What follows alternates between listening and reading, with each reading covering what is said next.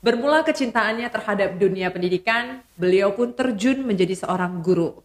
Karena visi dan misinya yang sangat kuat, alhasil beliau membulatkan tekadnya membuka sebuah sekolah yang dikenal dengan Sekolah Pekerti Bangsa, yaitu The School of Character. Selamat datang kembali di Lisa Chang Show. Kali ini saya mengundang seseorang yang memang sudah dikenal sangat um, bertalenta, muda, energik yang saya suka dari beliau itu adalah kecintaannya terhadap bidang pendidikan mengantarkan beliau menjadi seorang praktisi pendidikan yang sangat disegani di kota Medan. Siapa lagi kalau bukan Mr. Anton Wijaya. Halo, halo, halo. Halo semua, halo Lisa. Halo. Jadi Bapak Anton ini dulu kakak kelas di kampus. Mungkin pada itu dia belum kenal saya, Ece. kita ngobrol santai hari ini. Jadi yang mau kita bahas pada kali ini uh, mungkin untuk teman-teman yang baru mulai mendengarkan, teman-teman pastikan bahwasannya harus dengarkan sampai akhir kalau Anda pengen menjadi seorang orang tua ataupun mungkin saat ini Anda memiliki keponakan atau mungkin juga Anda adalah seorang guru karena topik yang kami bahas akan kita bahas dalam tiga ruang. Ruang pertama kita bahas yaitu kamar kehidupan dulu. Gimana sih guru bisa jadi buka sekolah? Bisa buka sekolah ya? Iya, bisa. kan iya. guru dulu kan. Iya, iya, Gimana iya. guru ceritanya langsung terjun dan memutuskan membuka sekolah? Iya. Jadi sebenarnya keinginan untuk buka sekolah itu dari dulu sudah ada. Iya, okay. jadi uh, mungkin lebih kepada uh, kalau kita buka sendiri kan lebih bisa menjalankan uh, hmm. visi yang ada dalam diri kita ya, Lis ya. Hmm. ya. Apa visi di dalam diri Bapak? Visi saya ya. Iya, iya. Uh, mungkin datangnya dari kita nggak tahan kalau misalnya lihat ada anak-anak orang tua itu atau anak-anak orang hmm. atau anak-anak kecil gitu ya. Hmm. Misalnya dari kecil kita lihat uh, mereka itu agak misalnya pertama dipaksa untuk belajar ini, belajar hmm. itu, padahal mungkin mereka sendiri nggak passion. Hmm. Jadi kita pengennya kasih tahu orang tuanya jangan dipaksa dong ke sana, hmm. hmm, hmm. kasihan stres hmm. ya. Kita sendiri juga waktu kecil kan juga mungkin pernah mengalaminya ya. Hmm. Nah tapi kalau mereka di tempat yang benar, terus dipaksa, didorong, mereka stresnya positif itu saya setuju banget. Yeah. Ya terus nomor dua itu melihat uh, akhlak, uh, sikap sopan santun, manners mereka itu makin sekarang teknologi makin maju tapi manners makin mundur. Oke. Okay. Itu tidak tahan juga sih Miss okay. Lisa terus terang. Jadi maka dengan itu membulatkan tekad dengan dikenal Sekolah Pekerti Bangsa adalah hmm. School of Character. Character. Sehingga Pak Anton melihat dua hal ini tadi ya. Yes. Oke, okay. Pak Anton kenapa tadi Pak Anton mengatakan bahwasanya gemes ya kalau lihat ada anak yang tidak sesuai dengan passionnya. Yes. Apakah Pak Anton adalah orang yang memang dulunya juga di force di force itu maksudnya didorong ya yes. melakukan hal tersebut juga? Uh, yes, uh, ada sangat yeah. ada sekali. Uh, sangat kerasa ya. Sangat kerasa sekali. Mm-hmm. Hmm. Sehingga sangat kerasa Pak Anton jadi merasa bahwasannya, aduh, kayaknya aku nggak mau dong anak-anak nanti ke depannya seperti begini. Betul. Apalagi tambah besar, mm-hmm. tambah mendengar uh, dari orang lain, dari uh-huh. orang tua lain, bahwasanya komplainan-komplainan anak sekarang itu uh, gak sopan, okay. botua bose. Translation ya. Translation nanti ada subtitle ya. Uh. Jadi ya terpanggil oh berarti selama ini yang saya di saya dididik demikian tegasnya dari rumah itu uh, ternyata perlu seperti hmm. itu ya. Hmm. Bahkan udah dididik sedemikian rupa juga kadang-kadang juga bisa loss yes. apalagi kok tidak dididik yeah. seperti itu. Oke. Okay. Mm -hmm. Jadi inilah yang membuat Pak Anton sendiri sangat tergerak membuka pekerti bangsa. Udah berapa lama sih sebenarnya sekolah ini Pak? Sampai hari ini hmm. baru mau jalan satu tahun lebih. Oke. Okay. Iya, itu bukanya satu November tahun. 2019 sih. Udah banyak muridnya? Belum, belum. Mudah-mudahan secara perlahan. Sebenarnya ya, jadi teman-teman beliau ini adalah seorang guru yang memang kita kenal udah berapa lama Pak jadi guru? 20 tahun. 20 tahun dan Anda mau tahu berapa usia Pak Anton? Pak Anton tuh sepertinya begitu tamat SMA langsung jadi guru ini.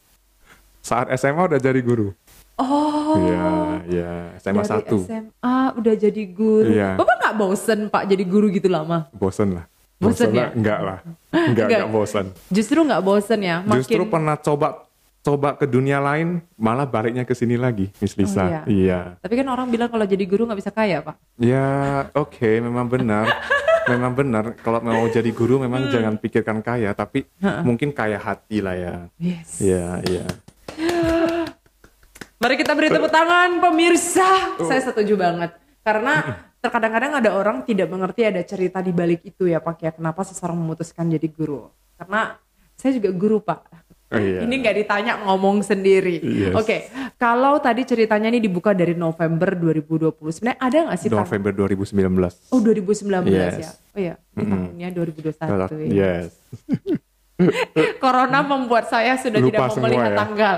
Oke, Bapak, saya pengen nanya nih. Saya panggil Pak Anton lah ya lebih enaknya, Sir Oke. Bapak. Oke, Pak, Ya. aku mau nanyakan. Kalau tadi kan ceritanya bahwa saya tantangannya itu pasti dong ada selama 20-an tahun menjadi seorang guru. Tantangan terbesarnya apa, Pak? Jadi Tantangan seorang guru dulu. Dari seorang guru ya, itu pasti di orang tuanya. Kenapa? Karena eh, kalau kita tidak mendapat dukungan atau Hmm. sepaham dengan orang tua, apa pun yang mau kita masukkan ke anaknya itu nggak bisa. Kalau anak sebandel apa pun kasih saya aja. Pemirsa, Bisa. anak sebandel apa pun dikasih Bisa. Bapak. Kenapa dengan percaya diri beliau Anda mengatakan seperti ini? Yes, karena ada tekniknya mungkin ya dari pengalaman juga ada. Terus anak kecil itu sebenarnya itu kayak adonan masih lembut tinggal dibentuk, dibiasakan kembali. Ya kalau dia negatif tuh bisa pelan-pelan bertahap dibiasakan kembali jadi positif. Tapi kalau dia anak yang baik, orang tua nggak dukung, ya itu nggak bisa juga. Hmm. Hmm. Oke, jadi artinya tantangan terbesar menjadi seorang guru adalah orang, Orang tua. tuanya. Ya, karena memang tak dipungkiri sebuah sekolah yang bagus itu pun sebenarnya kalau anak berhasil itu kita bisa bilang bukan karena gurunya atau sekolahnya juga sih. Saja. Sebenarnya itu sangat didukung oleh orang tua. Bayangin ya, satu ming satu hari 24 jam di sekolah baru berapa lama? Paling lama pun 7 jam. Tujuh, yes. Iya kan yes. Pak? Sisanya, Sisanya. waktunya itu pasti belum dipotong holiday dan semuanya. Jadi untuk Anda para orang tua dan calon orang tua, ingat kalau sudah bisa buat anak dan melahirkan anak, ingat dijaga baik-baik. Oke. Iya, ini ini ini nanti di script gitu ya. Sekarang saya mau nanya kalau itu sebagai seorang guru, tantangan menjadi seorang pemilik sekolah jadinya. Kan sekarang udah naik levelnya ini, udah punya sekolah. naik kelas ya. Jadi kalau jadi apa ya? Kalau ingin mendirikan sekolah, tantangan terbesar itu adalah mencari space. Oke. Mm-mm. Apakah ada investor yang berkenan? Mau cari investor nggak Pak? Dengan senang hati. Oke. Jadi saya sekarang pitching bisnis ya. Kalau Anda mau cari investor, saya bisa bilang 20 tahun dengan pengalaman beliau yang telah berhasil membuka sebuah sekolah, bahkan track recordnya itu ada sebuah sekolah di kota Medan yang sudah sangat berhasil sekali dikembangkan oleh beliau. Dan saat ini juga menjadi salah satu sekolah yang sangat bergengsi di kota Medan. Kalau Anda melihat track record yang luar biasa, Anda juga pengen merasakan bisnis Anda. Bukan bisnis udahlah nggak boleh jualan. Sampai di sini aja. Jadi nggak jadi pitching. Oke gimana Pak Ya, jadi itu cari nanti space ya eh, feedbacknya bukan money aja loh. Kalau Iya. kita kita invest ke sekolah tuh sosial. benar benar benar Ya, so like in our faith itu itu nanti return return eh, good deeds-nya itu luar biasa besar. Hmm. Benar, Ya. benar. Itu juga sangat baik sebagai investor. ya. Jadi eh, space space adalah kendala yang paling utama. Ya, kedua adalah kalau kita bangun sekolah itu beda sama bangun bisnis lain. Hmm, Jadi misalnya uh, kita jalankan sekolah itu kan orang tua datang, Ya. datang screening, ngomong. Mereka itu boleh dibilang tidak hanya sekarang melihat fasilitas saja. hmm. Jadi mereka itu juga mau lihat di dalam sekolah itu ada siapa, oke oke, mindsetnya bagaimana, cara didiknya bagaimana, Benar. apakah full heart ini di sini. Iya. So itu tantangan kedua terbesar. Banyak orang buka sekolah, tapi kalau misalnya the first motivation adalah untuk uh, bisnis, bisnis saja, money oriented. Ya, ya tiap hari hitung jumlah anak. Itu saya rasa juga tidak akan grow well. yes. Tapi kalau kita tiap hari mikirkan, oh saya punya sekian anak, terus siapa yang masih punya kendala dan di di bagian mana anak itu masih bisa di kembang dikembangkan, dibimbing, uh, diperbaiki, dikoreksi dan kita pikirkan tiap hari seperti itu. Nah, itu itulah yang seharusnya kita pikirkan dan itu berangkatnya dari kalau memang yang pengelola sekolah itu punya hati sebagai pendidik dan tentu saja punya skill. Hmm, itu Nah, tantangan kedua. dari sini itu berarti bisa kita melihat ya, Pak Antoni benar-benar dari hati dan menggunakan um, skillnya. Oke, next Pak, ada lagi tantangannya? Saya rasa dua tantangan itu terbesar. Oke. Hmm. Jadi tantangan pertama itu adalah Lahan. mau bangun buka sekolah itu lahan mani lah ya. Karena Ya. kita tahu ya buka sekolah itu kan nggak mungkin hanya buka satu ruangan kelas, nggak ada Yes. nggak ada toiletnya, nggak ada ruang parkirnya, nggak ada, Nggak ada semuanya. lahan untuk anaknya Anak-anak berlari, berlari. gitu. Yes. Jadi itu memang butuh dana yang cukup besar. Mm-mm. Itu yang pertama. Jadi saat ini berarti belum ada investor ya Pak? Oh, oh, pasti ada. ini aku buka investor berikutnya. Oke. Oke, berarti kenapa Pak? Mau ngomong apa? Iya, tentu saja kita sudah ada tim yayasan Iya, dong. iya. Dan saya sangat appreciate pada tim saya ini yang selama ini sangat mendukung. Oke Iya, oke luar iya. biasa sekali. Iya. Well yang kedua itu tantangannya itu adalah kita harus punya skill dan punya jiwanya itu bukan fokus only in money oriented, memang jiwanya untuk mengembangkan sekolah. Hmm. Betul. Saya bisa simpulkan kalau kita punya value tersendiri, maka sekolah Anda pasti akan grow. Jumlah murid datang dengan sendirinya. Hmm. Kalau kita fokus kepada jumlah murid, maka ya gak akan bisa berkembang bisnisnya. Ya, jadi bukan pikirkan keman, eh, bagaimana untuk membuat si anak dari yang datangnya segini menjadi seperti ini. Iya, bukan iya. pikiran itu. Nah, jadi udah masuk ya udah, udah masuk seperti itu kan.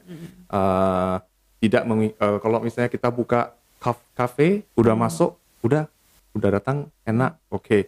Tapi kalau eh, sekolah itu datangnya tiap hari loh, Hmm, Monday to Friday, months itu kalau kita nggak ada hati ke sana, cuma pikirkan, oh sudah daftar ya sudah, itu bisa kerasa Iya, iya. bisa kerasa sama orang tua. Iya, Dan iya. dia ini fokusnya masih mencari yang lain lagi. Iya. Terus waktu saya masuk luar biasa bahagia, udah masuk, udah biasa seperti itu. Nah itu bahaya.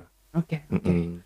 Baik, terima kasih kepada Panton. Jadi sesi pertama kita bahas tentang kamar kehidupan. Kita mengambil sebuah kesimpulan, apa pun profesi Anda, tapi kalau memang Anda jalani dengan hati, Anda pasti dipertemukan orang-orang yang baik hati dan sevisi dan semisi seperti Panton dipertemukan dengan tim yayasan yang sehati, semisi sehingga bisa buka kelak The School of Character yaitu pekerti bangsa dari seorang menjadi seorang guru menjadi pemilik sekolah. Baik, sekarang kita menuju kepada sesi kedua yaitu kamar opini. Oke, di dalam kamar opini ini kita akan mendengarkan opini dari narasumber yang sudah saya rangkum ada 10 pernyataan yang dipernyatakan atau ditanyakan juga kepada kepada Bapak ya. Ini dari audience terus kemudian dari netizen.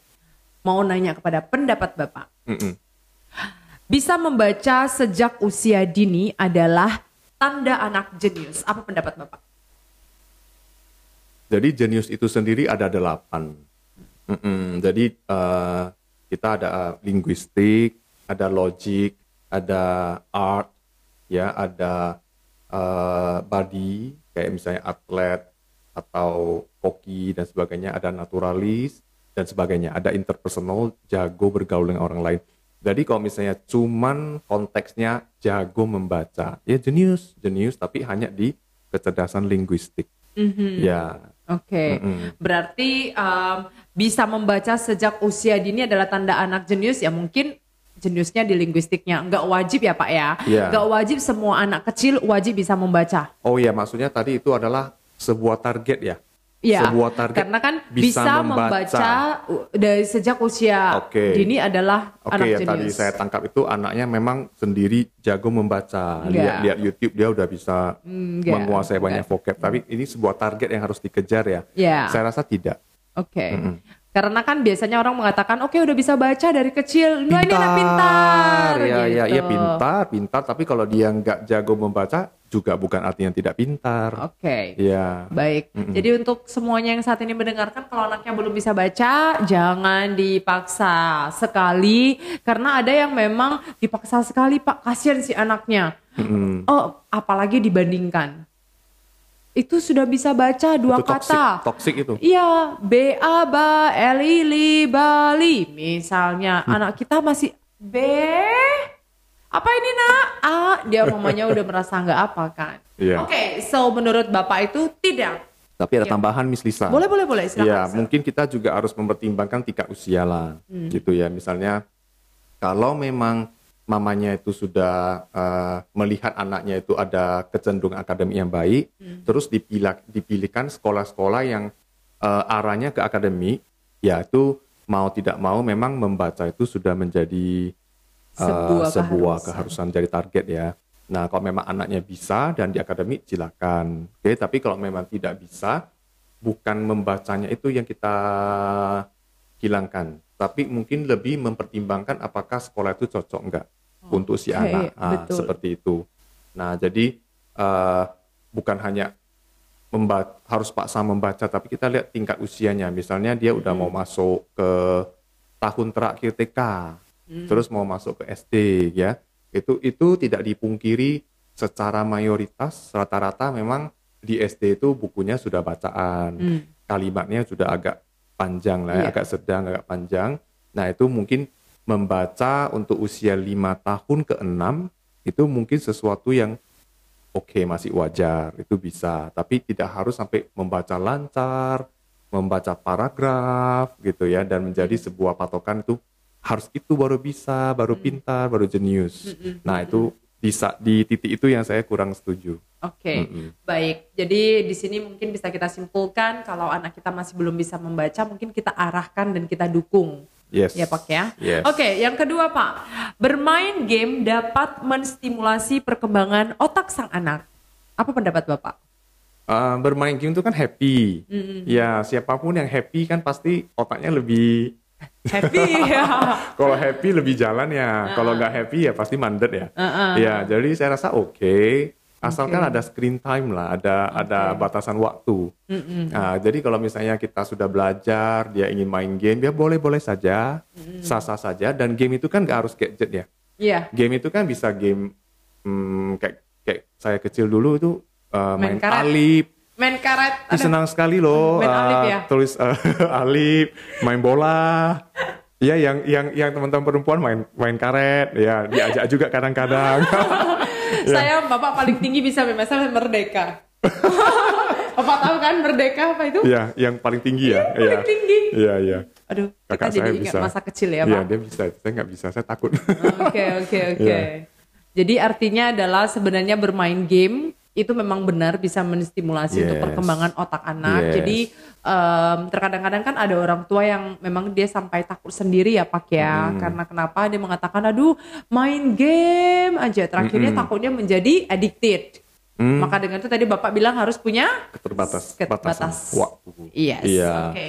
So kalau anak kita suka main game, it's okay as long as you have the screen time and give them the limitations Yes. time. Tapi itu tetap agreement dua belah pihak. Harus. Gitu. Harus. Iya. Oke. Iya. Yang ketiga Pak, anak yang memiliki keterlambatan bicara harus masuk sekolah khusus. Bagaimana pendapat Bapak? Banyak case, banyak kondisi ya. Apakah keterlambatan bicara itu karena tidak diajak bicara di rumah? Oke, jadi itu disuguhin gadget terus karena papa mas sibuk. Oke, saya bisa bayangkan itu ya. Like now I'm starting the school, itu pulang kayak energinya tuh benar-benar drain. Yes. Drain loh. Jadi saya Iya, pikirkan kalau saya punya anak saat ini, Hmm. wow, how? Ya. Oke, itu benar-benar saya pikirkan. Jadi, oh iya ya, saya bisa empati pada orang tua yang ya dia maybe uh, being promoted atau juga startup bisnis itu kan habis-habisan pagi hari, sore hari itu. Benar. Ya pulang-pulang, ya memang saya bisa paham ya. So mereka Iya. perlu ketenangan, perlu ini ya. Jadi diberikan itu. Oke, itu itu sebab. Nah, tapi akibatnya ada juga sih memang. Jadi kalau anak sudah tidak mau dilewatkan sama orang tuanya, tuh diberikan gadget, diberikan apa? Itu kan satu arah ya. Hmm. Gadget satu arah. Jadi kan dia cuma menikmati, benar. menikmati, tapi ya bukan interaksi. Ya. So itu banyak kasus sekarang kayak tahun ini aja banyak anak-anak yang enroll itu banyak yang anak-anak ini gak mau bicara, gak mau bicara. So Bukan nggak bisa bicara ya Pak, ah, tapi nggak mau iya, bicara. ini term pertama ya, kondisi pertama karena tidak diajak bicara. Oke. Ah, ah. so ini saya juga sering keluar dinner sama orang tua orang tua sama eh, pemerhati pendidikan diajak kita dinner bareng terus habis dinner mereka tanya-tanya parenting terus saya lihat anaknya satu setengah tahun Miss Lisa Hmm. jago bicara Hmm. satu setengah tahun jadi saya korek-korek juga apa yang sudah dilakukan oleh orang tua dari orang tuanya bilang kami tiap hari eh, Ajak ngobrol. ngajak ngobrol. Jadi dia kan nggak bisa bilang kami kami bilangin terus ini ini adalah ini ini adalah ini terus nanti dia eh, tunjuk-tunjuk oh ini ya dia sebutkan katanya botol botol bottle butter atau bahasa ibunya Nah, it turn out the kid speak satu setengah tahun. Ya. Ya, seperti itu. Biasanya satu setengah tahun masih gak gitu rewel, Ya. belum ngomong banyak ya, Heeh. belum talkative maksud saya, bukan rewel apa, maksudnya ngomongnya jago. Biasanya dua tahun, dua tahun lebih itu baru mulai, itu Mulai ngomong. Oh, ya, ya, ya, ya, ya, ya, Wah, gitu ya, ya, ya. Oke. Ini ini sudah lumayan loh. Oke, oke, Ya, oke. jadi saya rasa sih antonimnya adalah ini tidak diajak ngobrol, makanya jadi lambat bicara. Oke. Itu nomor satu. Nomor dua bisa dari fisik. Oke. Dari fisik misalnya rahangnya bermasalah, Oke. oke, atau mungkin eh, saraf komunikasinya kurang baik, ya. Jadi eh, eh, otak si anak tuh mengirim sinyal untuk bi- berbicara tuh orangnya kurang baik. Jadi itu bukan hanya kesalahan di pola asuh, tapi itu mungkin sudah perlu bantuan ahli. Ya, misalnya THT atau psikolog dan sebagainya. Oke. Mm-mm. Berarti ada dua term yang perlu kita perhatikan ya, Mm-mm. Pak ya. Jadi kesimpulannya apakah kalau anak yang punya terlambat bicara, apakah harus masuk sekolah khusus? Jawabannya tergantung Iya, belum juga. belum tentu. Belum ya. tentu. Kita mau tahu dulu apa yang menyebabkan si anak terlambat bicara. Mm-mm. Nah, tadi yang nyambung ini kebetulan saya juga em, dulunya pernah lah Hmm. ngajarin ngajar ya. Saya juga guru TK yang dulunya. Saya teringat satu cerita tadi Bapak mengatakan ini saya langsung loading dengan satu anak kecil yang ini dia usia lima tahunan ngomong masih belum jelas seperti itu. Mm-mm. Saya sangat setuju secara pribadi ternyata memang benar tidak diajak bicara karena ya kita juga mengertilah orang tua yang punya anak kan capek, nggak nyaman, udah capek-capek ditanya lagi sama anak. Itu juga mengerti, tapi kita harus ingat bahwasannya jangan sampai kita ini aku dapat sharing dari teman yang jangan sampai kita dapat uang untuk membuat dia sekolah dan kita harus mengeluarkan biaya tambahan lagi karena ya ini hal-hal yang di luar itu muncul lagi kan kita Yes. harusnya jadinya entah bawa ke sini ke sana itu Yes. kan another payment again. Yes. Nah, dan ada kejadian rupanya yang begini. Bapak pernah dengar nggak kalau kadang-kadang si anak Mm-mm. dia suka bicara. Tadi nanti di usia 2 sampai 3 tahun udah happy banget Pak bicara. Mm-mm. Dan orang tua udah mulai capek mendengar. Oke. Terus kemudian dia akan bilang em, udah entar aja lu bicara mama lagi sibuk atau mama udah capek gitu kan. Dan ternyata si anak di usia 6, 5 tahun, 6 tahun berubah dia Pak. Jadi Diam. pendiam. Terus mamanya bilang, dia dulu kecil nggak seperti ini gitu. Pernah nggak kejadian seperti itu? Hmm, nggak terlalu sering sih, ya, tapi Oke. pasti apa pun happen, apa pun bisa Iya. happen di dalam parenting, di dalam hubungan orang tua dengan anak.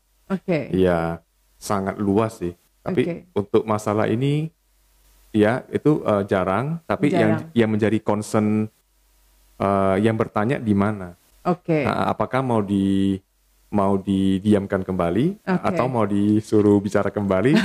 Itu udah apa? pasti dia mau minta bicara kembali, Pak. Minta dia bicara kembali, ya berarti dia harus koreksi diri dulu dong. Yes. Iya. Orang tuanya koreksi diri ya. Dia yang sebabkan dia diam kan? Ya, nah jadi waktu ini aku masih ingat ya kadang-kadang orang tua merasa enggak loh, rupanya ini kita kadang-kadang taunya dari si anak. For what I speak gitu kan, toh um, parents is busy, orang tua juga sibuk nggak ada yang mendengarkan. Jadi dia sudah punya satu mindset kalau aku ngomong Mm-mm. nanti takutnya orang bilang nanti ya, nanti baru ngomong ya, nantinya Oke. ditunggu seperti itu. Yes. Sebenarnya ini curhatan aku aja sih. karena aku Iya. karena kebetulan em, gimana ya Pak ya? Mm-mm. Saya secara pribadi melihat itu di, di depan mata saya sendiri. Si anak mau ngomong, mamanya bilang nanti, nanti dia belum tahu, nanti ketemu si anak udah nggak mau ngomong. Mm-mm. Nah, bingung jadinya. Jadi itu sangat sangat sangat konkret kan? Sudah Iya, benar. sangat konkret sekali. Maksudnya tidak usah praktisi pendidikan, tidak usah uh, psikolog, tidak usah yang ahli-ahli lah. Itu kan sangat konkret sekali. Berarti kan memang itu adalah yang diinginkan oleh orang tua. Iya, So being a good child, ya dia berusaha juga mem- mematuhi, benar. mematuhi bahwasanya kamu jangan terlalu ribut, nanti saja, Iya. ya. Terus yang yang dari sisi psikologisnya adalah begini. Jadi anak merasa ini figur bukan lagi orang yang mau mendengarkan saya. Iya, Ya, jadi dia ada sesuatu yang lebih penting dong. Daripada Makanya saya. ini disuruh tunggu. Kalau ini penting prioritas, tentu saja akan didengar minimal. Kalau di, di, di saat itu dia urgent, minimal she will say something good, he will say something good. For example, like sebentar ya, nanti mama balik ke kamu. Anak akan oke kok. Anak akan oke. Jadi dia Orang tunggu, dia tunggu oke. balik. Tapi dia buat buat buat selesai masalahnya dia balik. So anaknya merasa wow I am prioritized. Yes. Yes, dia akan tetap ngomong. Dia tetap ngomong. Ya, jadi ini dari sisi psikologis berarti anak merasa saya memang di nomor entah berapa kan lah. Iya. Iya, seperti itu. Asal jangan bilang sebentar ya after that lupa. Lupa balik. Iya, kita mungkin harus minta maaf. Yes. Iya, kita minta Iya, bisa iya. anak mengingatkan ya. Oh iya, sorry ya. Tapi kan anak juga lihat dari pola. Kalau misalnya itu sekali-sekali, I think every human being, termasuk anak kecil pun dia akan forgive Iya. naturally. Iya. Sekali-sekali. Benar, Tapi benar. kalau sering-sering, ya ini juga sebenarnya adalah uh, topeng orang tua. Dia mungkin dengar dari dari dari talk show-nya Miss Iya. Lisa ya. Talk show Miss, oh saya harus ngomong bentar, tapi itu cuma kedok. Heeh. Dia pergi. Terus nggak Balik balik-balik. So anak pertama, wow ya mama bilang bentar, berarti saya ada Hmm. diperhatikan. Tapi nggak balik-balik satu kali, dua kali, tiga, Tiga kali. kali. Anak juga tahu, she's not sincere, he's not sincere, sama doang. Basically itu sebenarnya eh, berarti Bapak setuju nggak sih kalau orang bilang gini? Mm-mm. Jangan dikit-dikit bilang dia masih anak-anak loh, dia nggak ngerti. Tidak setuju. Tidak setuju Tidak ya Pak? setuju. Saya juga tidak setuju. Tidak setuju. kita untuk ini Pak. Karena suka sekali dibilang dia masih anak-anak, dia nggak ngerti. Hmm. Apalagi kadang orang ngegosipin sesuatu di depan anak-anak. Dia Oke. bukan ngegosipin, tapi lebih tak ngobrol. Anaknya ada di situ. Oke, itu ada benarnya. Uh-uh. Ada benarnya. Misalnya kalau kita bahas, oke, anak datang dari mana? Datang dari mana? Anak Ah, kan kadang-kadang bisa bertanya seperti itu. Nah, Anak datang dari mana? Aku pun bingung jawabnya. adik datang dari mana ya ma? Misalnya kan tiba-tiba ada adiknya kan dari dari mana? Dia udah enam tahun nggak pernah ada adik. Tiba-tiba tahun ke-6 ada adik. Oke, dan dia pasti tanya anak da- eh, adik datang dari mana? Oke, ada beberapa topik seperti itu. Atau mungkin juga kenapa orang itu di TV itu eh, ganja. Oke, ah, kenapa itu ada ini? Oke, jadi itu boleh pernyataan seperti itu. Tingkat usianya kan memang belum sampai di sana. Mm-mm. Ya, dia belum ngerti. Iya. Ya, tapi sampai sana saja. Kita Iya. tetap harus menjelaskan, kasih dia fondasi yang baik dalam usianya dulu dengan bahasa yang bisa dipahami dia, Benar. tapi nanti mengarah ke sana. Iya. So waktu dia grow up, grow up, grow up uh, bigger, older, kita tinggal menambahin lagi. Mm-mm. Ah, jadi jangan di deny, jangan di Mengatakan neglect. yes. Ah, udah masih kecil nggak usah ngomong. Kita kasih dulu, tahu. kasih dulu pemahaman yang dia bisa dulu. Nanti selebihnya itu setelah dia berkembang usia dengan bertambah usia dia kita tambahin lagi. Iya. Ah, ah. Kasih contoh dong Pak satu contoh kalau misalnya si anak mau bertanya Mm-mm. terus kayak tadi lah adik datang dari mana kira-kira orang tua jawab bagusnya seperti apa? Iya, karena dia kan mungkin mendapati fenomena perut mamanya besar. Mm-mm. Oke, mungkin kita bisa jelaskan dulu yang sesar. Oke. Ya dari perut nanti dibuka dokter. Mm-mm. Oke, seperti itu ya. Nanti kalau misalnya dia sudah lebih besar, dia udah eh, kita juga kenalkan dia organ-organ tubuh. Kita bisa tambahkan lagi selain dari sesar, bisa juga yang alami. Oke. Ya dari organ ini dan itu kita bisa jelaskan lebih Lebih mendetail. lebih mendetail, Oke. personal talk.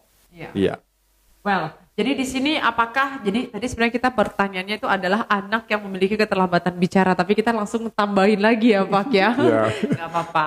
Karena memang masalah anak yang sulit bicara ini semakin tinggi saat ini di Indonesia, khususnya di Kota Medan juga. Iya, karena itu sibuk, Iya. tidak ajak bicara. Hmm. Memang betul ya kita bisa, tapi inilah inilah tu- tujuan Miss Lisa and I really support itu karena ini supaya I hope many parents watch, many future parent watch.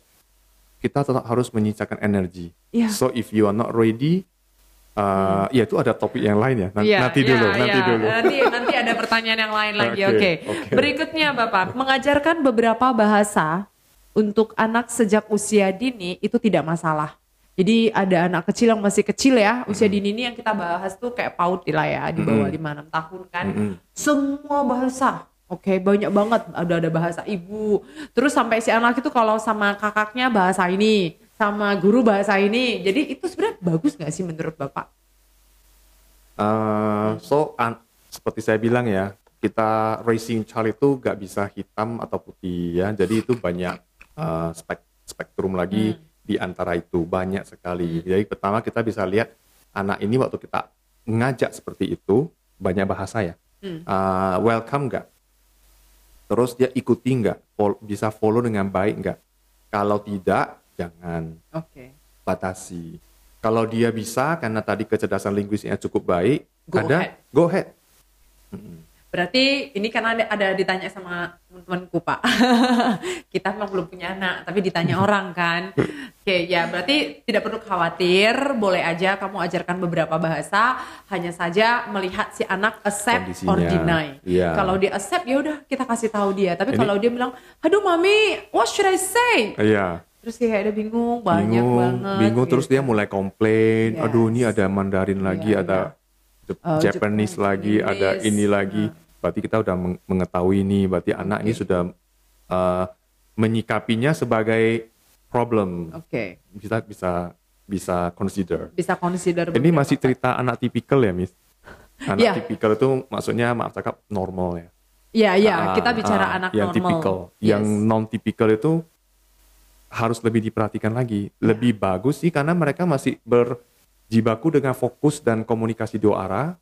Jadi janganlah eh, Jangan di-force. banyak Didukung. banyak bahasa. Ya, jangan kasih banyak bahasa. Hmm. Ya, yang kita bahas ini memang masih anak dalam kondisi normal. Ya. Karena memang kita berdua bapak lah ya pemerhati pendidikan yang memang pengalamannya lebih banyak mengurus anak yang Tipikal. tipikal ya. Iya. Oke, next on di sini adalah saya pengen tahu lingkungan mempengaruhi nggak sih untuk tumbuh kembang anak? Sangat Berapa persen kalau 1 sampai 10? wow. Satu Hmm. eh sorry, berapa skalanya kalau 1 sampai 10? 10 So- paling besar. On me lah ya. ini Yes. Ya. Hmm, se- separuhnya mungkin. Oke. Ya, Oh, five.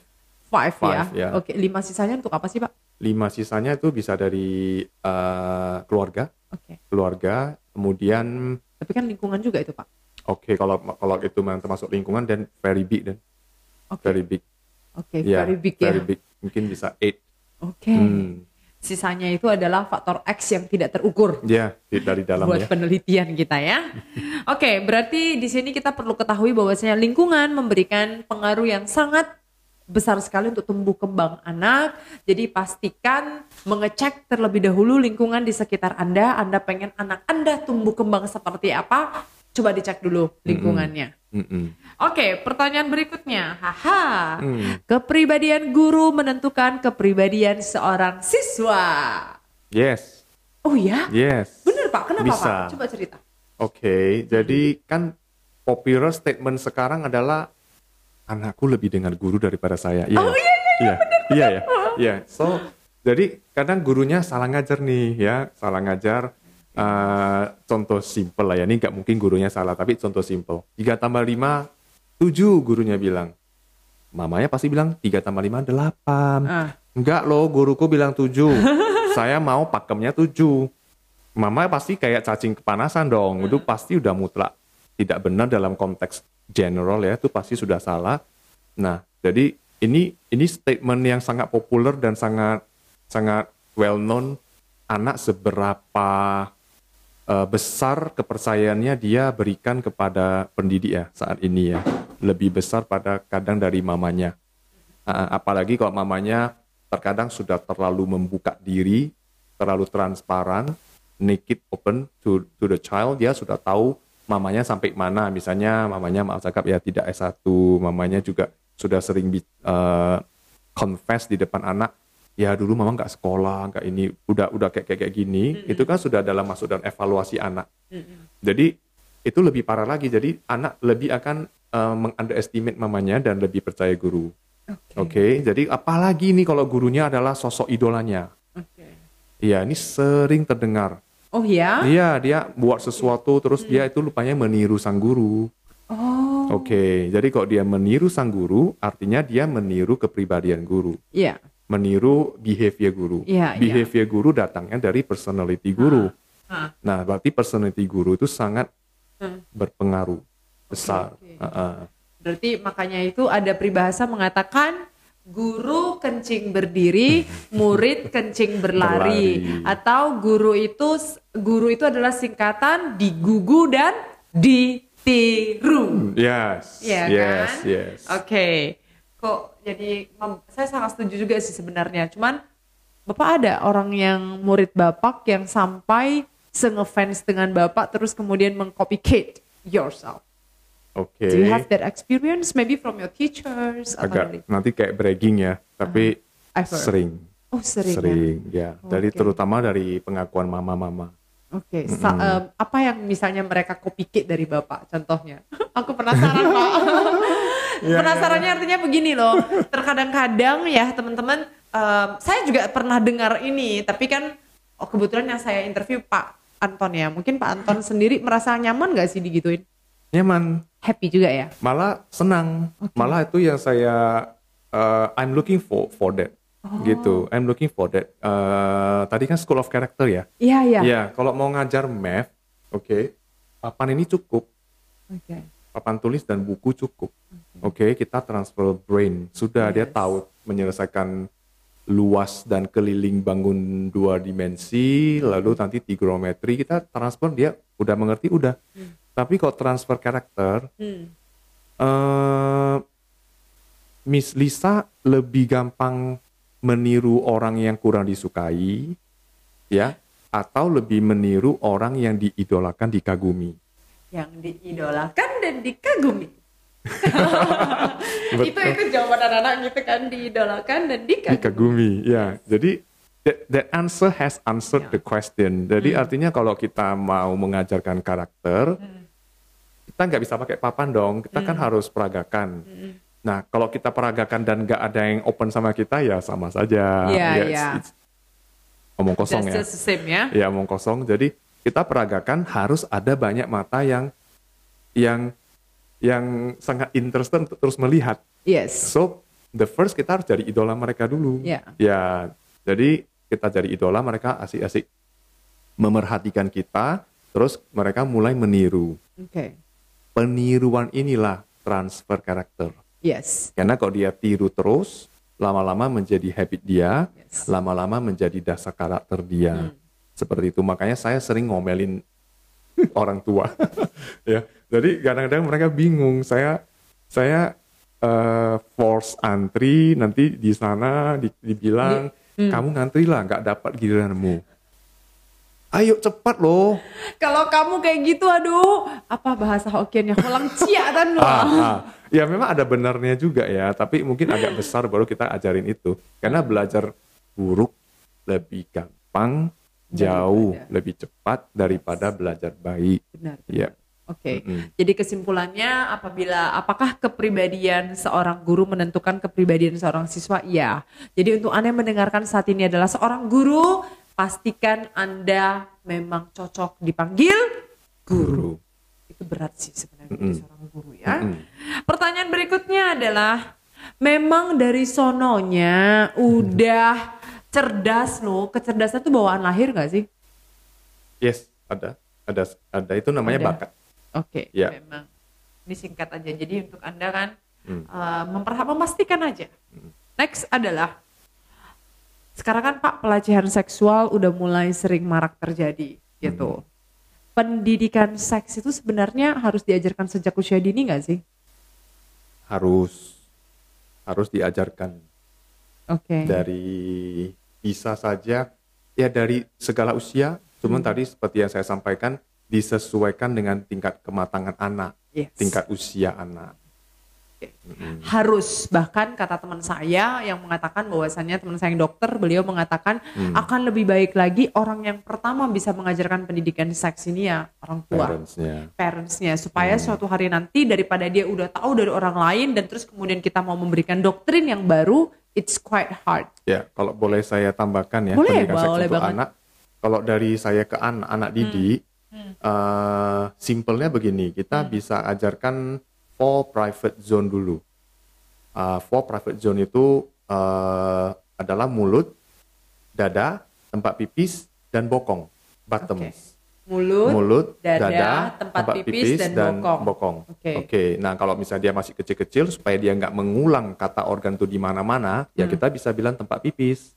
Oke. Ya memang sudah banyak eh, masukan-masukan ilmiah yang langsung bilang saja nama organnya. Iya. Ya, tapi mungkin sesuaikan tingkat usia Iya. seperti itu ya. Tapi kalau misalnya anak TK itu kan kecenderungan beonya. Oke. Takutnya kan dia beo beo beo beo beo beo itu ke mana-mana ya dengan kepolosan dia ya dan maksud orang tuanya itu supaya dia langsung tahu termnya apa nggak usah analogi G- menjadi bahasa lain. burung, sorry, ya dan dan lain-lain, ya tahu seperti itu kan. Tapi kita lihat juga tingkat kematangan anak, karena anak kecil itu membeo. oke Takutnya dia sebutkan itu membeo ke mana-mana kan di salah tafsir juga ya oleh ini orang. kamu orang anak-anak udah kau ajarin cakep gini kotor ya, cakep kotor ya kan jadi Oh, begitu ya. oke, Ah, ah, oke, padahal oke. dia enggak sih. takutnya nanti dia pula jadi down ketika dia cakap kotor Hmm, jadi Gitu kita harus dikiranya. ah, mempertimbangkan eh, kultur setempat juga ya. Yes. Kultur setempat apakah mereka siap menerima, nanti kok tidak siap menerima anak kita yang menjadi minoritas.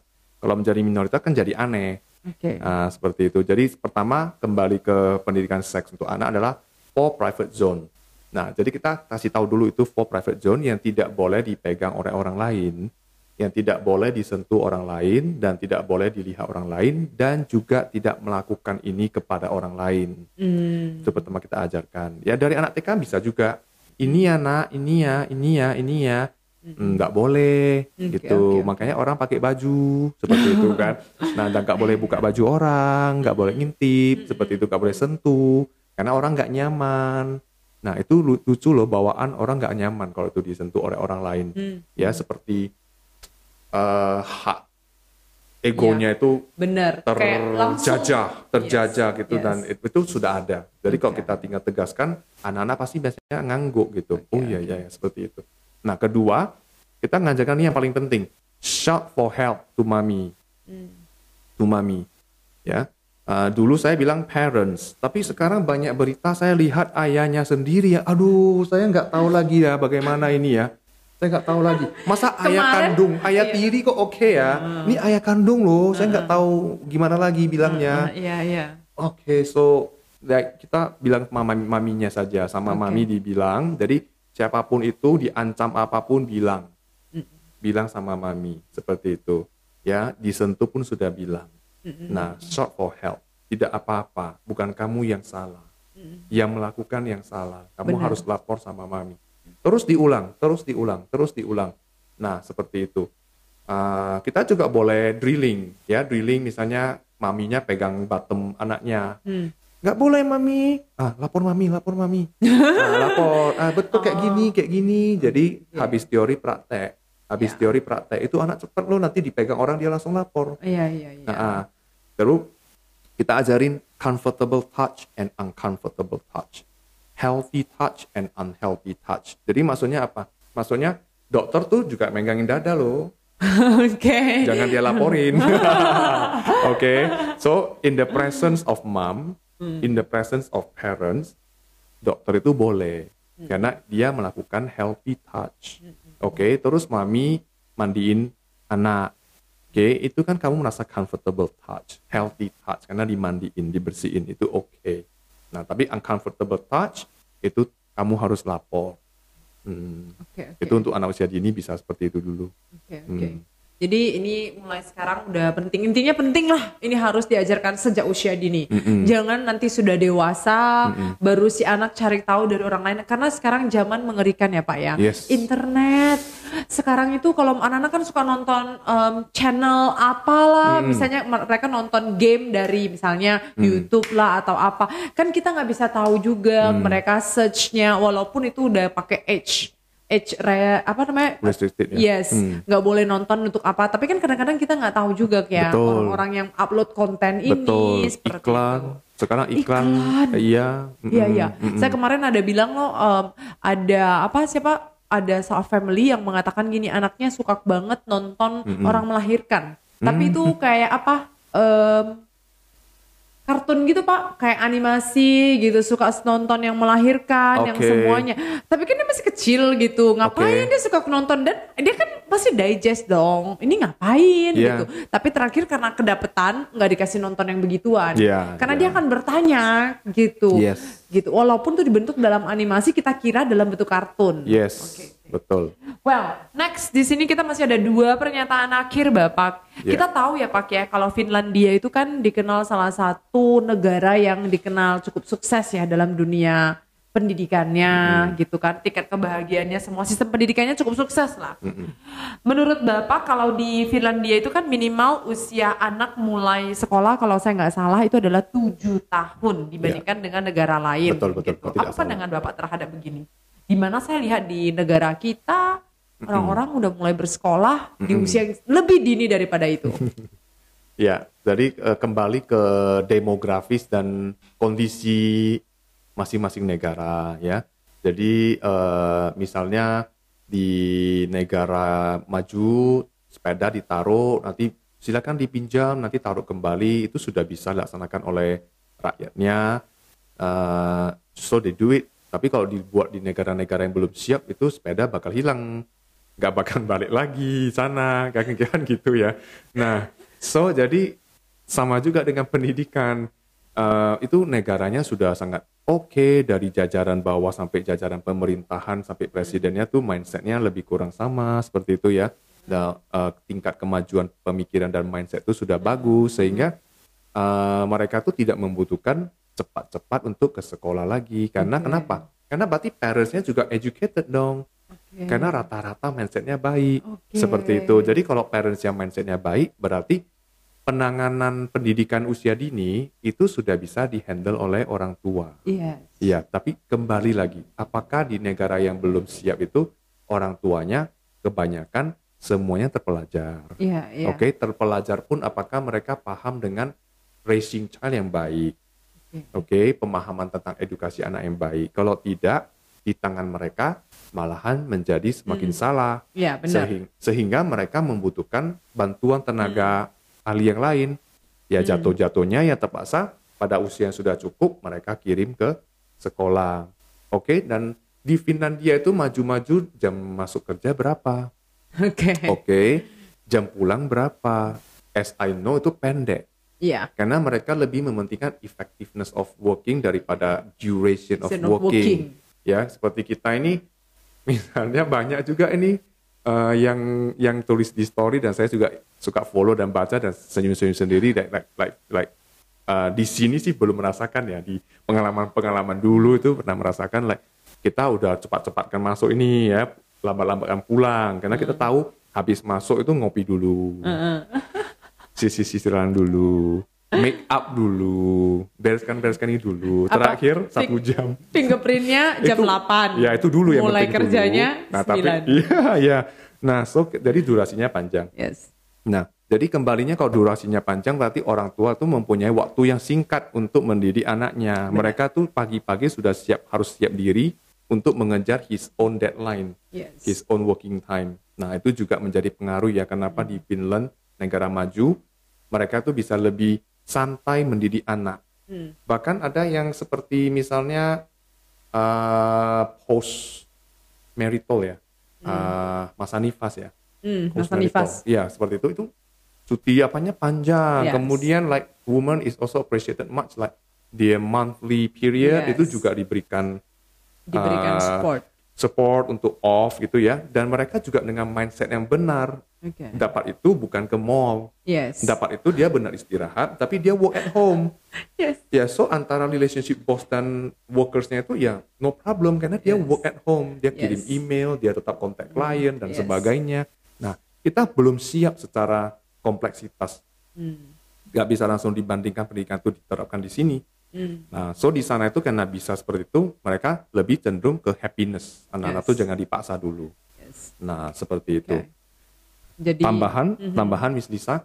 Nah, eh, apakah 10 tahun lagi dengan tidak dipaksanya anak-anak Finland itu akan berbuah baik? Saya tidak yakin. Mhm. Oke, buktinya negara China yang dianggap pendidikannya itu terlalu keras. Keras. Oke, terlalu keras, tapi buktinya saat ini dan kita bisa lihat prospeknya 10 tahun ke depan, I think they will conquer the world. Mhm.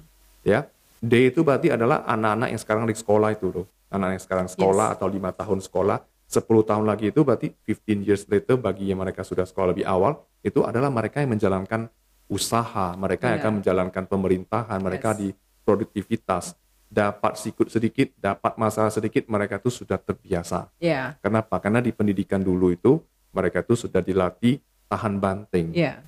Nah, memang ada masukan waktu saya ke argumen seperti ini, masukannya adalah ya tapi banyak juga yang lompat bunuh diri kan. Iya. Ada juga kan? Ya benar, benar. Jadi ya, makanya saya lebih ke tidak terlalu ekstremis. Saya tidak memilih ekstremis adalah Finland style atau Chinese, Chinese style, style yes. yang paksa banget gitu ya. Bahkan Singapore saja MOI-nya men- apa ya Menteri Pendidikannya tiga tahun atau empat tahun yang lalu sudah menghapuskan sistem kerasnya belajar di negara beliau di negara dia. Nah artinya kelas 1 SD sampai 3 SD itu tidak ada ujian, tidak ada banyak PR lagi. Uh, bermain itu tadi kembali kali apakah anak boleh bermain game? Malahan itu adalah dunia anak memang harus bermain game, harus bermain. Cuma bermain yang positif, ada batasan waktu juga seperti itu. Oke. Uh, so I take the middle way. No extremist way, ya, oke. Iya. Well, jadi sebenarnya aku nanya seperti ini karena kan memang banyak orang tua yang saat ini kita lihat ya sekolah-sekolah itu ada yang punya stigma, aduh kecil-kecil udah dibawa ke sekolah gitu. Nah, jadi nggak ada yang salah sih sebenarnya. Maka itu kita tetap melihat setiap negara pasti memiliki demografis yang berbeda, pertumbuhan yang berbeda, That's right. peraturan yang berbeda. Nah, di saat itulah kita manusia diajarkan beradaptasi. Jadi tidak ada yang salah. Tetap back point again dari pertanyaan ini semuanya, Yes, yes. parents is the key. Yes, yes. That's Betul. parents is the key. Last question in here is that ilmu pengetahuan dan karakter Oke. kalau dikasih milih mana yang harus didahulukan? Harus dipilih ya Didahulukan ya Karakter. satu. Karakter. karakter. Apa nggak? Nanti Tapi kalau nggak nanti dipilih dua-duanya penting. Iya.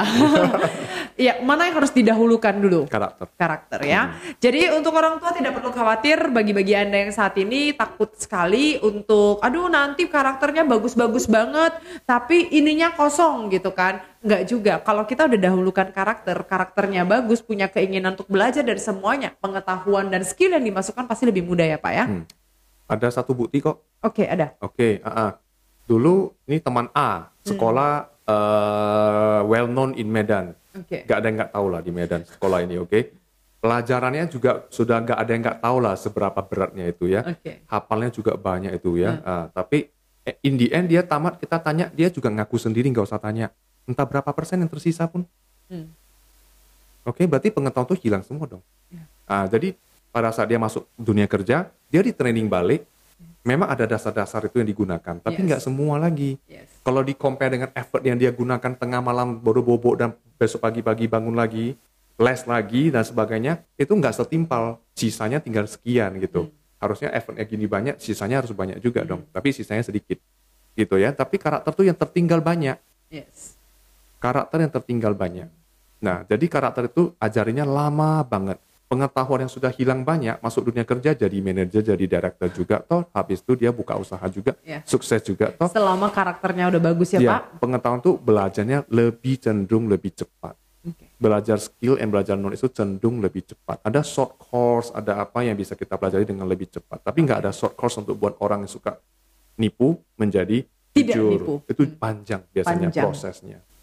Baik semua teman-teman di dalam kamar opini ini ada 10 opini yang sudah Anda pertanyakan kepada saya dan saya sudah tanyakan kepada Pak Anton. Semoga ini menjawab pertanyaan-pertanyaan Anda. Yang jelas melalui podcast ini kita berharap bahwasannya selalu ada sisi positif yang bisa Anda ambil. Maka dengan itu kita akan menuju ke kamar harapan. Apa sih harapan Bapak? Pesan yang mau disampaikan kepada guru dulu, guru, guru. Untuk guru, Guru. ya mm-mm. Banyak ya Miss Lisa. Satu kalimat aja Ya, mungkin kita pilih-pilih boleh. yang paling penting. Yes. Oke, eh, saya pemerhati multiple intelligence, oke juga karakter. So eh, kalau pesan saya untuk guru adalah eh, percayalah, yakinlah dari saat ini ke depan dengan dunia modern, digitalisasi yang sedemikian cepat, oke, pengetahuan itu sudah bukan menjadi kebutuhan dasar. Ya. Semua sudah tersedia. Heeh. Yang menjadi kebutuhan dasar sekarang adalah bagi anak adalah bagaimana mereka bisa menjadi individu yang mau kolaborasi dengan orang lain, Ya. individu yang percaya diri kritis, ada pendapat bisa disampaikan, tapi dengan dibarengi manners yang baik. Ah, jadi artinya guru jangan cekoki lagi anak dengan banyak hafalan-hafalan yang kurang perlu. Bah- bahkan lebih banyak minta anak untuk bisa lebih banyak mm, explore kenapa ini, kenapa itu, kenapa ini, kenapa itu. Ya. Dan lebih pentingkanlah anak bukan pintar atau bodoh, tapi dia rajin atau malas. Eh, bertanggung jawab pada tugas-tugasnya atau tidak. Bukan Kalau- menyelesaikan tugasnya. Eh, menyelesaikan bertanggung jawab bu- ya. Ya, bukan bukan menyelesaikan dengan harus perfect. Yes. Iya, tapi dia selesaikan serius seperti itu. Iya. Jadi tolong ganti pandangannya menjadi oh anaknya itu nggak serius, tapi 100 tapi guru lesnya yang buat. Ini pun dimarah Iya. karena bu- bu- bukan lagi nilainya yang difokuskan guru, bukan pengetahuan itunya, Yes. tapi adalah sikap Effortnya sikap ada. tanggung jawabnya. Jadi nanti besar dia kan kamu buatlah, kamu buatlah, Iya. kamu buatlah, kamu buatlah. Yes. Tanggung jawab dia nggak ada. Oke. Nah seperti itu. So, saya bisa simpulkan untuk para guru pesan dari Pak Anton adalah jadilah guru yang mampu melihat em, segala sisi perbedaan sang anak sehingga sang anak bisa bertumbuh lebih tepat atas didikan Anda. Karena guru adalah digugu dan ditiru. Oke, Ya, next. eh, singgung ke multiple intelligence adalah ah, guru juga harus pintar melihat anak ini kuat di mana. Jadi Ya, kalau ya. tidak kuat di mata pelajaran dia, oke lah, jangan diteradu, dimarah lagi, dipaksa Ya. lagi, apalagi sampai membunuh mentalitasnya. Setidaknya yang penting eh, bisa lah. Dapat lah, Ya. tapi jangan depan anaknya dia bilang, Ya. dia tahu sendiri saja. Oke. Tapi jangan kita kan kadang emosi juga ya. Ya. Keluarlah kata-kata mutiara itu, itu kan membunuh karakter dia. Ya. See, the student will be with you for one year minimal. Yes. Itu one year cukup untuk membunuh Benar. karakter dia. Setuju. Hmm. Setuju banget. Oke, kalau begitu itu tadi untuk guru. Bagaimana harapan pesan yang ingin disampaikan kepada orang tua ataupun calon orang tua? Hmm, kalau belum siap punya anak, gak usah punya anak dulu lah. Halo calon orang tua, nggak punya anak jangan sibuk kamu mau merit-merit dulu, tapi kamu belum siap ya jangan punya anak dulu. Ya, iya, iya kan ada caranya tahu sendiri lah ya. Yang penting jangan Oke. reproduksi dulu. Oke, siap. Iya, kalau sudah reproduksi harus siap itu anak ditumbuh kembangkan. Oke. Jadi anak itu jangan ditumbuhkan saja, tapi ditumbuh kembangkan. Oke. Yang susah dikembangkan. Mantap. Pesan untuk orang tua bisa buat anak bisa lahirkan anak ingat untuk tumbuh, kembangkan anak. Anda berpotensi melahirkan satu orang yang paling bermanfaat di dunia ini atau satu penjahat besar di dunia ini. Saya akan berada di komen. itu benar banget sih. Itu back to Iya. the parents. Yes. Oke. Bapak gimana pesan yang ingin Bapak sampaikan? Kalau tadi ini hari ini kamar harapannya ada tiga. Guru, orang tua dan calon orang tua ataupun se- rekan-rekan kita juga sesama pendiri sekolah. Kan Hmm. Bapak kan saat ini membuka sekolah. Ada nggak pesan yang ingin disampaikan? Ya, kalau bagi saya itu eh, sel- karena kolaborasi itu penting, kita meyakini ya anak itu banyak kan. Ya, tak ada satu sekolah yang bisa menampung semua anak-anak itu. Benar. Ya, ya kalau bisa memang itu semua itu sekolah itu kolaborasi. Tidak ada yang merasa lebih hebat dari yang lain, tidak ada yang merasa lebih bagus. Ya, dengan visi masing-masing itu pasti ada anak yang membutuhkan. Yes. Yes, jadi eh, yang ada itu adalah sekolah tercocok, bukan sekolah terbaik. Jadi kita masing-masing tetap men- menjalankan visi kita sebaik-baiknya, kolaborasi antar sekolah dengan baik. Ya kadang kita menemukan satu anak ini yang kurang baik, kita juga kirim ke sekolah itu, dan juga demikianlah, Nah, seperti itu. Oke, so untuk semua pendiri sekolah, mulailah dari sekarang. Saya yakin semua sekolah punya plus dan minusnya. Marilah menjadikan sekolah Anda sebagai sekolah terbaik versi diri Anda, Yes. sehingga Anda akan menemukan kecocokan terhadap calon-calon murid Anda atau siapa pun itu, biar nggak ada apa ya, biar buat negara kita ini lebih indah lah. Yes. Kita mulai dari sekolah, karena sekolah itu juga Sama-sama mencetak generasi mendatang yang baik. Yes. Mhm. Terima kasih sekali Pak Anton Thank you, atas Miss Lisa. waktunya. Jadi saya senang sekali kali ini kita bahas topiknya adalah topik pendidikan. Terima kasih atas waktunya di sela-sela kesibukannya. Ini kami syutingnya hari ini nggak di rumah saya, eh, nggak di nggak di studio saya, tapi kita di studio Pekerti Bangsa. Yeay. Untuk informasi lebih My lanjut pride, silakan aja pride. cek di Pekerti Bangsa ya. Yes. Oke, baik. Thank you untuk Pak Anton. Thank you, Miss Lisa. It's my pride to be in your show. Asa.